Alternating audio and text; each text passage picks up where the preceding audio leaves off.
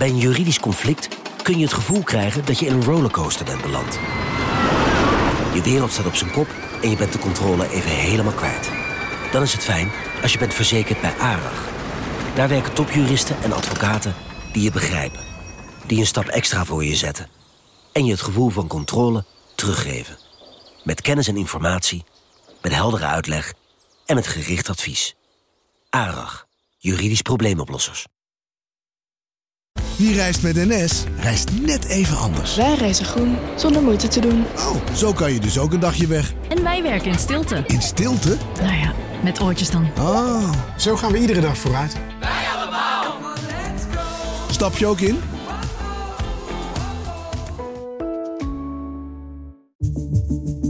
Vanaf de redactie van NRC het verhaal van vandaag. Mijn naam is Thomas Ruip.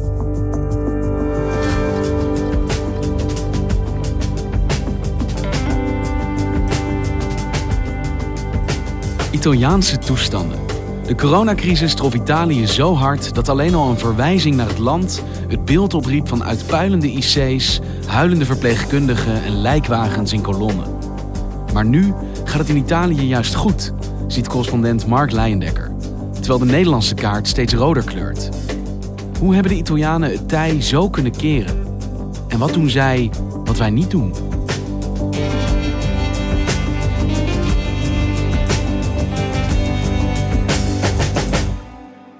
Ik was begin vorige week op een etentje bij Italiaanse vrienden. En voordat ik de lift uit was gestapt, stond daar de gastvrouw al buiten voor de voordeur. Met een fles eh, desinfecterend middel in de hand. Aan de andere kant een stuk keukenpapier. We weten wel dat het nodig is, hè? Ja, natuurlijk. Ehm, een vriendin die me op kwam zoeken, ik woon op de vierde verdieping, die zei: Ik neem de trap maar, want die lift vertrouw ik niet helemaal. Eh, bij de kapper, we hadden elkaar lang niet gezien, maar het eerste wat hij, wat hij zei was: Hij wees naar de fles desinfecterend middel.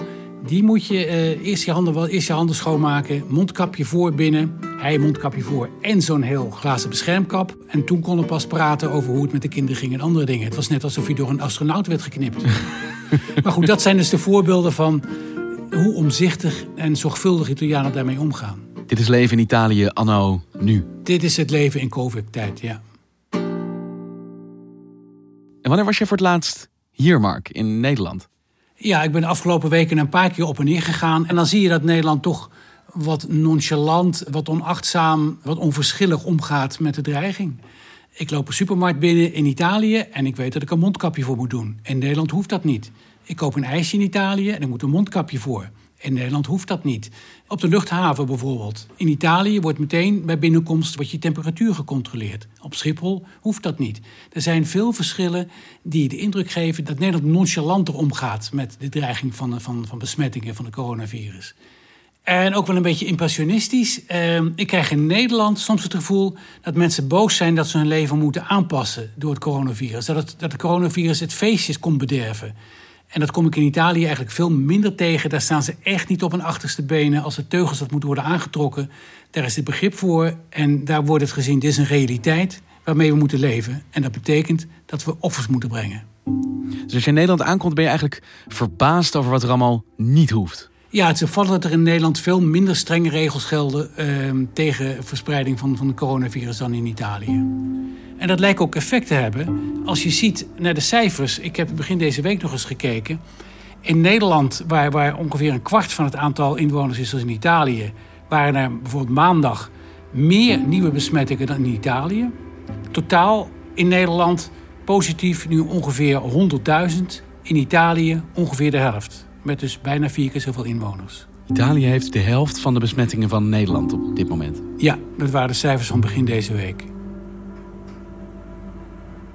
Want Mark, dit is het land. Nou ja, de afgelopen maanden zijn Italiaanse toestanden eigenlijk een uitdrukking geworden in Nederland. Ik vrees Italiaanse toestanden. Italiaanse toestanden. Een soort synoniem voor, nou ja, ellende. Ach, Italiaanse toestanden die gaan wij niet krijgen. Wij kunnen het aan. Dat De is angst uitgesloten. voor Italiaanse toestanden. Italiaanse Dan toestanden. krijgen we Italiaanse toestanden hier. Om Italiaanse toestanden te voorkomen. En we die Italiaanse toestanden kunnen krijgen als we dat niet Nou, we doen. hebben geen Italiaanse toestanden gehad, dus wat dat betreft gaat het best goed. Hoe kan het dat Italië daar zo bovenop gekomen is? Ja, bij de uitbraak was inderdaad uh, Italië het land waar je niet naartoe wil. Ga niet naar Noord-Italië, tenzij dat strikt noodzakelijk is. Het was echt uh, een, een, een wanhopige periode. Al ruim drie weken ligt het leven er volledig stil en eist het virus dagelijks vele levens. Ziekenhuizen in Noord-Italië barsten uit hun voegen. Beelden van artsen, van verpleegkundigen die volslagen uitgeput waren door de grote hoeveelheid werk die ze hadden. Uh, we zagen mensen, hoorden mensen vertellen dat ze afscheid hadden moeten nemen van, van hun bejaarde vader of moeder. Terwijl die werd weggebracht met de ambulance en verder niet meer met hen hadden kunnen praten. Voor de begraafplaats staan de lijkwagens in de file. De afgelopen dagen werd er elke 30 minuten iemand begraven zonder dat er nabestaanden bij konden zijn. We hadden berichten over, over ziekenhuizen waar geen plaats meer was. We hadden beelden van militaire vrachtwagens die vol lijkkisten wegreden uit, uit zwaar getroffen steden als Bergamo en Brescia. De crematoria draaien al wekenlang de hele dag. Maar de stad kan het aantal doden niet aan. Afgelopen weekend vervoerde een militaire kolonne de doden naar crematoria in andere steden. Ja, het is vaak met een oorlogssituatie vergeleken. Het virus heeft daar in het noorden en vooral in dat gebied van Lombardije keihard huis gehouden. Hoe kwam het nou dat Italië het zo zwaar te verduren had aan het begin van de coronacrisis? Ik heb daar deze week nog eens over gesproken met, met een bekende viroloog. Burioni heet hij, een beroemde arts in Milaan. En volgens hem waren er een paar problemen. Allereerst natuurlijk het grote onbekend zijn met een virus. Niemand had in de gaten dat het zo besmettelijk was. En in Italië dachten ze aanvankelijk ook ja, als mensen niet uit China komen of op de een of andere manier contact hebben gehad met China, dan kan het geen corona zijn. Terugkijkend zijn nu bijvoorbeeld in januari een aantal verdachte longontstekingen die toen gewoon werden behandeld, uh, waarschijnlijk terug te voeren tot besmetting met corona. Een ander probleem, in het begin gingen mensen die ziek waren eh, als ze niet bij de huisarts terecht konden, gingen ze naar de eerste hulppost. En daar lagen coronapatiënten en gewone patiënten vaak door elkaar heen. Dus dat heeft de besmettingen ontzettend versterkt. Dus een wat trage reactie, niet goed wetend hoe gevaarlijk het virus was en waar het virus eigenlijk was. Ja, die hebben voor Italië eigenlijk een soort proeftuin voor de rest van Europa gemaakt. Want op het moment dat Italië lessen begon te trekken, wat hebben ze veranderd? Hoe hebben ze het tij weten te keren? Ja, dat is eigenlijk in, in, een sneltreinvaart gegaan. Op, op 20, de nacht van 20 op 21 februari werd de eerste Italiaanse COVID-patiënt onderkend. Twee dagen later uh, werd er in twee gebieden in Noord-Italië een lockdown ingesteld. Een week later waren reisbeperkingen voor heel Lombardije, die regio, de belangrijkste regio van het noorden en een aantal andere provincies. En weer twee dagen later, en dan praten we over 9 maart, toen kwam premier Conte met een toch wel dramatische toespraak. Buonasera a tutti. Waarin hij zei, we moeten uh, heel het land dicht doen. Alle niet-essentiële activiteiten die komen tot stilstand. En we moeten ons realiseren dat de toekomst van Italië in onze handen ligt. En die handen moeten vandaag laten zien dat ze verantwoordelijk gedrag kunnen laten zien. Il futuro nostro dell'Italia è nelle nostre mani e queste mani devono essere mani responsabili, oggi più che mai. En zij stelden een lockdown in, wij hebben een lockdown gehad. Hoe verhielden die zich tot elkaar? Wat was die Italiaanse lockdown? Ja, Italianen zelf zeggen dat ze de langste lockdown ter wereld hebben gehad. Ze hebben twee maanden echt in een volledige lockdown gezeten. Gewoon niet naar buiten en dat werd streng gecontroleerd. De politie kon je aanhouden. Je moest een papier bij je hebben waarop aangaf waarom je daar was. En als het voor werk was, moest daar een verklaring voor je werkgever bij zitten. dat dit echt noodzakelijk was dat je uit je huis ging. Wij blijven binnen, was de boodschap. Want wanneer was het voorbij? Wanneer brak de zon weer door in Italië? Kon men weer naar buiten? Nou, dat was begin mei. En ik herinner me nog heel goed dat eerste weekend. Je hebt wel eens in Nederland van die foto's van de koeien die de wei weer in mogen.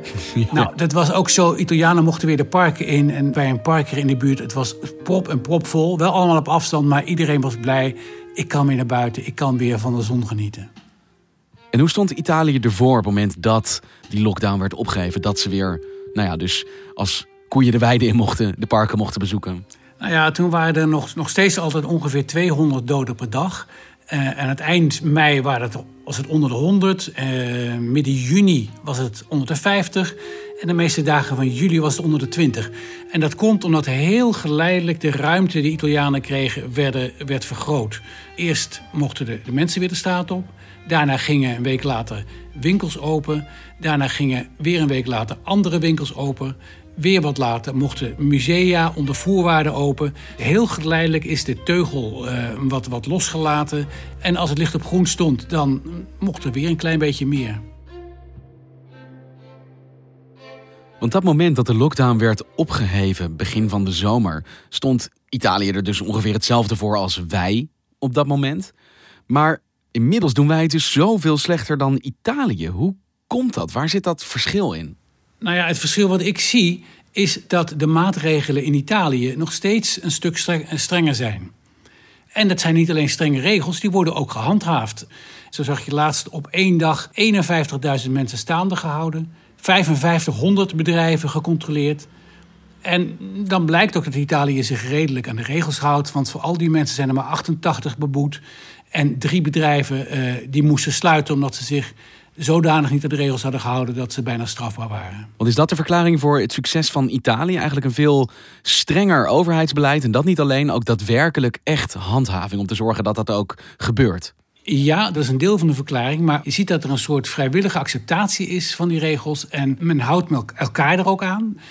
Dus dat is ja, toch een iets andere opstelling dan, dan de wat, wat tegenspartelen van Nederland. Ik ben van de week ook met een aantal mensen gewoon op straat gaan praten wat ze ervan vonden. Ik sprak een, een verpleegkundige en die zei: Ja, ik weet dat het nodig is. Het aantal besmettingen gaat omhoog. En we hebben dat nu toe goed gedaan. Dus waarom zouden we het niet volhouden? Lei non ritiene che sia esagerato? Assolutamente no. Cioè, nel senso, eh, non, non, lo ritengo io. Mm, I medici lo dicono. Ritengo che sia stata fatta una scelta intelligente, anzi, eh, in altre regioni che lo mettano come obbligo anche all'aria aperta. Je ziet een soort collectieve inspanning van het Italiaanse volk om dit met elkaar te doen. Misschien meer dan je dat in Nederland lijkt te zien. Ja, iemand, iemand anders die zei bijvoorbeeld... we hebben begrepen dat we die regels nodig hebben. Dat als we die respecteren, dat het dan beter gaat met het land. Dus nogmaals, waarom zou ik het niet doen? Ik sta hier op een trottoir, ik ben in de open lucht, het is niet nodig. Maar niemand me verbiedt me om beter voor mezelf te zorgen dan eigenlijk nodig is. Kan toch geen kwaad? Perché anche se non è necessario dalla legge, io ho un mio senso di, diciamo, eh, difendermi da solo. Se passo per una strada... Mark, nu ga je mij vast op de vingers tikken. Maar het is niet helemaal wat ik per se met Italianen associeer. Zo binnen de lijntjes kleuren. Ik bedoel, nou ja, ik heb als in Italië gereden bijvoorbeeld dat is natuurlijk iets wat, wat ik met veel Italianen heb besproken. Van hey, hoe kan dat nou? Anarchistische, uh, wetteloze mensen die zich nu ineens keurig aan de regels houden. Heeft voor een deel ook te maken met het feit dat iedereen toch bang is om ziek te worden. Maar er is toch ook een soort algemeen verantwoordelijkheidsgevoel uh, ontstaan. Uh, mensen hebben in de gaten, ik kom hier niet alleen doorheen. We moeten dat met elkaar doen. En dan blijkt dat Italië ook dat element in zich heeft. Een soort saamhorigheid in tegenspoed. En komt dat omdat hun tegenspoed ook groter is geweest? Zij nou, meer een collectief trauma hebben opgedaan en daardoor meer misschien de, ja, de pijnlijke lessen hebben geleerd dan wij in Nederland tot nu toe? Ja, ik denk wel dat dat een rol heeft gespeeld. Uh, ik sprak bijvoorbeeld op het station Termini van Rome met, met iemand uit Bergamo. Nou ja, dat we weten helemaal, dat is een van de zwaarst getroffen steden. En die zei ook, ja, Uh, dit heeft zo'n rol gespeeld. Er is nog steeds zo'n angst. C'è una grande paura. Oltre a stare attenti a lavarsi con i gel. Io ho in tasca un gel che ogni tanto mi lavo le mie mani. Dove trovo un dispenser lavo le mani. Uh, hij had gel in zijn bagage om waar hij kon zijn, zijn handen te wassen. Hij vertelde van zijn familie. Daar had iemand had het maar ternauwernood overleefd. Uh, twee bejaarde mensen die hadden uh, zuurstof gekregen en op die manier overleefd. Iedereen kent die verhalen, iedereen weet wat er gebeurt als het weer uit de hand gaat lopen. En het lijkt dus ook te hebben gewerkt van die gezamenlijke inspanning. Nou ja, daar plukken ze nu de vruchten van. Ja, en daar zijn ze zelf heel erg trots op. Uh, en je ziet ook dat de Wereldgezondheidsorganisatie... die had afgelopen vrijdag in een tweet ja, een filmpje gemaakt... wat een soort lofrede op, uh, op Italië was. Italy has been the first Western country to face this epidemic. We woke up like in a bad dream. It was there. We had to react to it. Een compliment aan de bevolking. Ja. And I think one thing that Italy didn't do, it didn't give up. En dat gevoel, dat kom je bij heel veel mensen terug. We hebben het samen gedaan. Het gaat goed. Laten we het even volhouden, want we zijn er nog niet vanaf. Hé Mark, het gaat dus nu verhoudingsgewijs goed in Italië lijkt het, maar blijft dat ook zo? Ja, de cijfers zijn in Italië echt wel aan het oplopen. Dat zie je deze week. Het gaat niet zo hard als in andere Europese landen, maar Italianen maken zich daar wel zorgen over. Iedere stijging is zorgwekkend. Ook daar neemt de druk wel. Zeker, het is absoluut niet zo dat Italië uit de gevarenzone is. En er is ook niemand die dat denkt. En hoe klaar is Italië voor nou ja, het moment dat de tweede golf wel echt ten volste inslaat? Wordt daar ook met een nou ja, enigszins angstig oog gekeken naar de medische capaciteit? Naar testen bijvoorbeeld? Of IC-capaciteit? Nee, Italië heeft wat dat betreft zijn zaakjes wel op orde. Er wordt heel veel getest hier. Iedereen zegt, we gaan het redden. We hebben daar voldoende uh, mensen en middelen voor. De boel is zorgwekkend, maar onder controle. Ze voelen zich er medisch gezien klaar voor. Medisch gezien denken ze toch dat ze de zaakjes op orde hebben. Dat ze, als er een echte tweede golf komt, dat ze daar klaar voor zijn. Dat ze er gewapend voor zijn. En dat is een groot verschil met maart. Maar economisch, dat is nog een groot vraagteken. Want de economische dreunen die dat coronavirus uitdeelt, kan Italië die opvangen? Kunnen ze dat dragen? Uh, financieel gezien zal het zwaar worden. Het begrotingstekort zal omhoog gaan, dat is onvermijdelijk. Italianen zeggen dan zelf, dat is lastig, maar we hebben steeds onze rente betaald, dus dat is niet erg zorgwekkend. Maar Italië heeft veel geld aangeboden gekregen, beschikbaar gesteld gekregen in Brussel, leningen en subsidies. Maar een fundamentele vraag is: wat ga je doen met het geld? Gaan we proberen de oude situatie te herstellen, zoals het was, waarvan iedereen weet dat er een heleboel dingen niet klopten? Of gaan we nu deze kans grijpen, nu er geld ligt, eh, om te proberen de crisis aan te grijpen, om een nieuw begin te maken en al die problemen die we steeds voor ons uit hebben geschoven, nu eindelijk aan te pakken?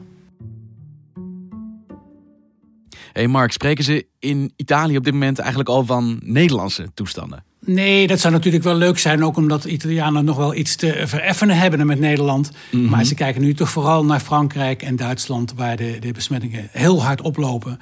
En Nederland is dan wat dat betreft even uit beeld. Hoewel de, de, als mensen dat goed in de gaten krijgen, dan zijn er ongetwijfeld allerlei mensen die met enig leedvermaak eh, hier opmerkingen over zullen maken. Dankjewel, Mark. Graag gedaan, Thomas.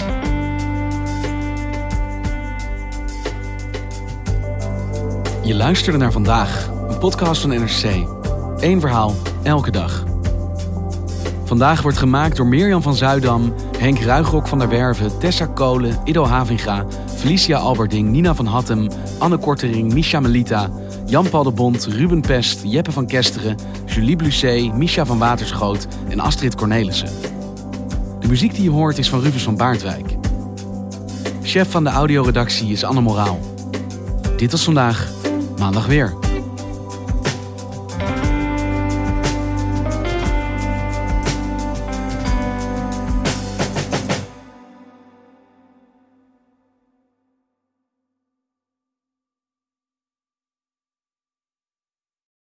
De financiële markten zijn veranderd, maar de toekomst, die staat vast.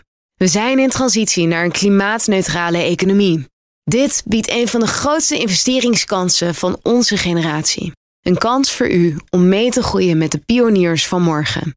Meer weten? Ga naar carbonequity.com. Carbon Equity. Do good by investing better.